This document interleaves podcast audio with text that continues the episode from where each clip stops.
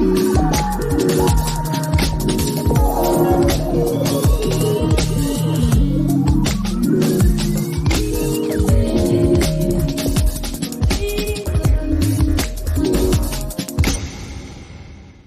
od oktobarske revolucije, beloruski narod nalazio je spas u mnogim zemljama, pa tako i u kraljevini Srba, Hrvata i Slovenaca, potom i u kraljevini Jugoslaviji, šireći svoj uticaj i na kulturu, naročito na pozorišnu i baletsku umetnost.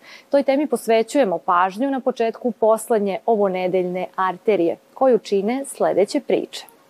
Izložba Beli Rusi i renesansa srpskog pozorišta. Želimir Žilnik, dobitnik nagrade Beogradski pobednik.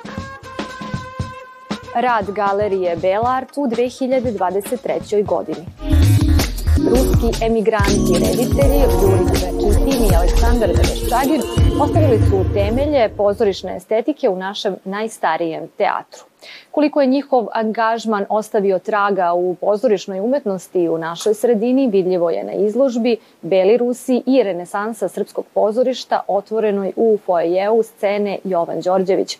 Izložbu je otvorio upravnik Srpskog narodnog pozorišta Zoran Đerić, naš današnji gost. Dobrodošli u Arteriju. Hvala. Kako je osmišljena izložba i na koji način predstavlja delovanje beloruskih pozorišnih umetnika u našoj sredini? Pa izložba je koncipirana tako kao jedna vrsta podsjetnika na uh, neke umetnike koji su dali izuzetan doprinos srpskim pozorištima uopšte, ali ne samo pozorištima, nego i akademijom umetnosti i šire, kad gledamo i na arhitekturu i na uh, značaj u njihovom, da kažemo, kreativnom smislu uticaja na škole, na akademije, na, na sve vidove društvenog života kod nas. I ovde je, ovaj, znači, predočeno neki niz autora koji su ostavili traga pre svega u pozorištu, u Narodnom pozorištu, a potom i u Srpskom narodnom pozorištu, tu su pre svega baletski umetnici, pedagozi baletski, zatim tu su ovaj, reditelji, ima i glumaca, mada u manjoj meri, ali isto tako su jako važni scenografi, kostimografi i čitav niz drugih e, kreativnih umetnika koji su svojim doprinosom obogatili pre svega pozorišnu umetnost kod nas. Svojim modernim tumačenjima i režijama ruski emigranti podigli su kvalitet naših predstava i stvorili su studije glume i baleta. Jedna od Rakitinovih učenica bila je i Mira Banjac. Kakva saznanja o glumačkom zanatu su stekli naši glumci na njihovim časovima? Pa činjenica da su došli e, umetnici kao što je Rakitin koji je bio e, saradnik i Stanislavskog i Merholda, znači zaista u to vreme najuticajnijih pozorišnih stvaralaca i da je on svoja iskustva prenosio uh, kod nas u vreme kada mi nismo imali ni pozorišne škole, ni glumačke, niti rediteljske. I to su bile prve, u stvari, prave škole, kako glume, tako i režije. Tako da je svojim iskustvom i tim i pedagoškim radom, ali i posle umetničkim, on uh, pomogao da se i u Srpskom narodnom pozorištu i uopšte tamo u Beogradu gde je radio i živeo, uh, da se umetnost podigne na jedan viši nivo od onog nekog početnog uh, da kažemo, malo amaterskog entuzijazma na jedan profesionalan nivo. Tako da se može reći da su, zahvaljujući ruskim umetnicima, sve umetničke oblasti koje su bile u pozorištu dobile mnogo viši nivo i profesionalizam koji su kasnije odnegovali i školama koje su se umeđu vremenu otvarale. Jer ruski umetnici su i držali prve škole režije u Beogradu, bili su prvi pedagozi, učitelji škola klavira, baleta, i to je tekako uticalo na razvoj ove umetnosti kod nas. Kako su beloruski umetnici dočekani u našoj sredini i koju vrstu režije su negovali u svojoj poetici? Pa očigledno da su oni doneli ono što je bilo ovaj, u tom trenutku moderno i u Rusiji. E, to su pre svega taj e, ruski balet koji je bio klasičan, ali istovremeno e, rađen i na domaće, do domaće kažem, teme i kompozitori ruski koji su za to radili tu je bio i Čajkovski i čitav niz drugih autora, Stravinski, e, znači koji su bili uh, i moderatori, pored onog klasičnog, da kažem romantičarskog, oni su unosili i neke moderne tonove u muziku, a potom i u balet.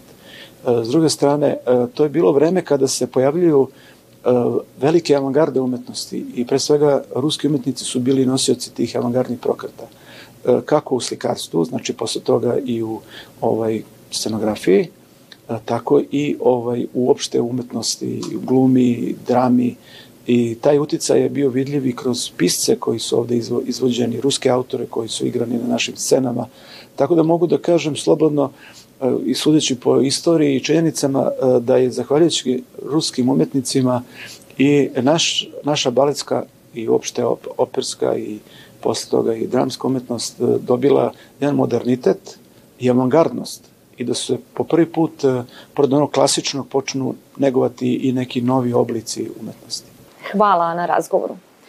A ova putujuća izložba će nakon Novog Sada gostovati u Beloj crkvi, Novom Bečeju i u Ruskom domu u Beogradu, kao i u svim mestima u kojima se vidi velika koncentracija belih Rusa u periodu između dva svetska rata.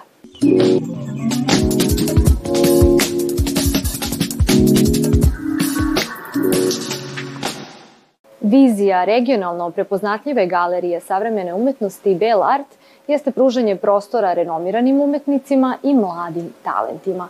Po čemu će Novosadska galerija pamtiti proteklu godinu za arteriju govori direktorka Vesna Latinović.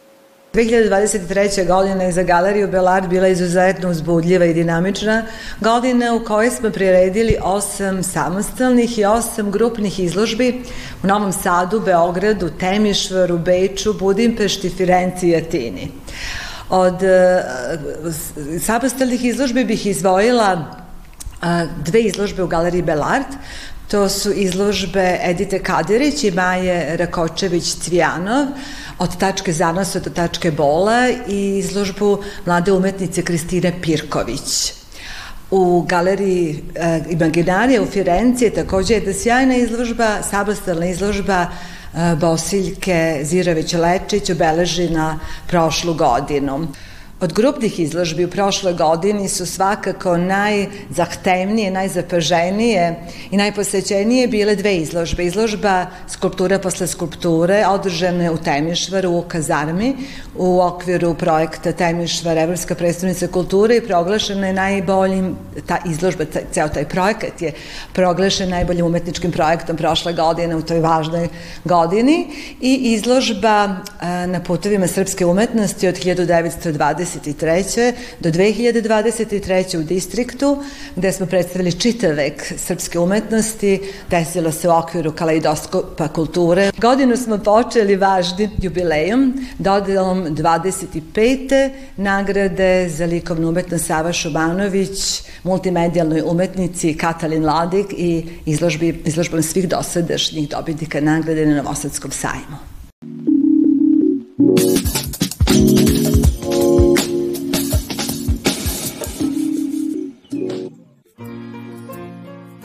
Ovogodišnji Beogradski pobednik 52. festa za izuzetan doprinos filmskoj umetnosti dodeljen je Želimiru Žilniku, jednom od najznačajnijih i najplodnijih reditelja naše kinematografije.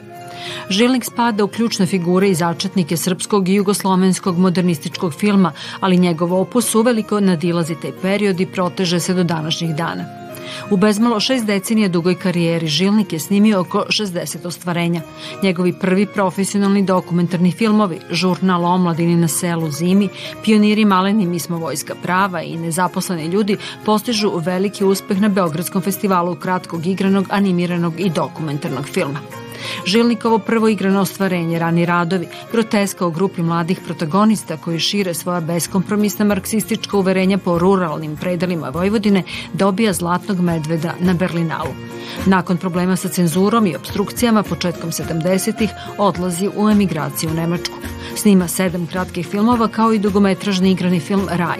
Oni su među prvima tretirali temu Gasterbajtera u Nemačkoj. Režirao je filmove i doku drame za TV Beograd i TV Novi Sad.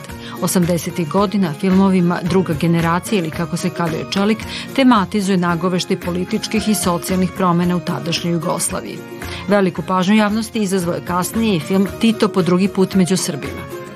Problemi u zemljama centralne i istočne Evrope, a naročito problem izbeglištva i migracija na granici sa Evropskom unijom, žilniku su inspiracija za tematski ciklus Kennedy se vraća kući, gde je Kennedy bio dve godine, Evropa preko plota, destinacija Srbistan i najlepša zemlja na svetu.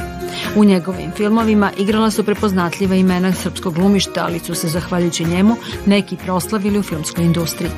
Pokretne slike i žilnikove radionice prikazivane su na skoro svim meridijanima, Brojni radovi uvršteni su u kolekciji inostranih art galerije i Muzeja savremene umetnosti, a nagradu je dobija od Beograda preko Soluna, Ankare, Berlina, Lisabona, Sankt Peterburga do Njorka i Sao Paulo.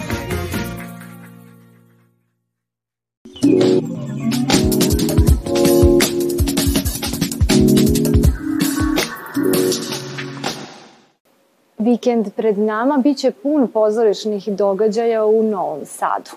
U Novosadskom pozorištu biće izvedena nova predstava Bilo jednom u Novom Sadu Andraša Urbana. U Kulturnom centru Novog Sada na repertuaru je komad Kao suncokret po motivima drame gde živi zrak sunca Milana Stepanova. Jelena Jokić najavljuje obnovu predstave koja je svoju premijeru imala pre nekoliko godina. Obnovljena predstava pod istim krovom rediteljke Ivane Janošev u koprodukciji udruženja Kultura Nova i Novosadskog pozorišta.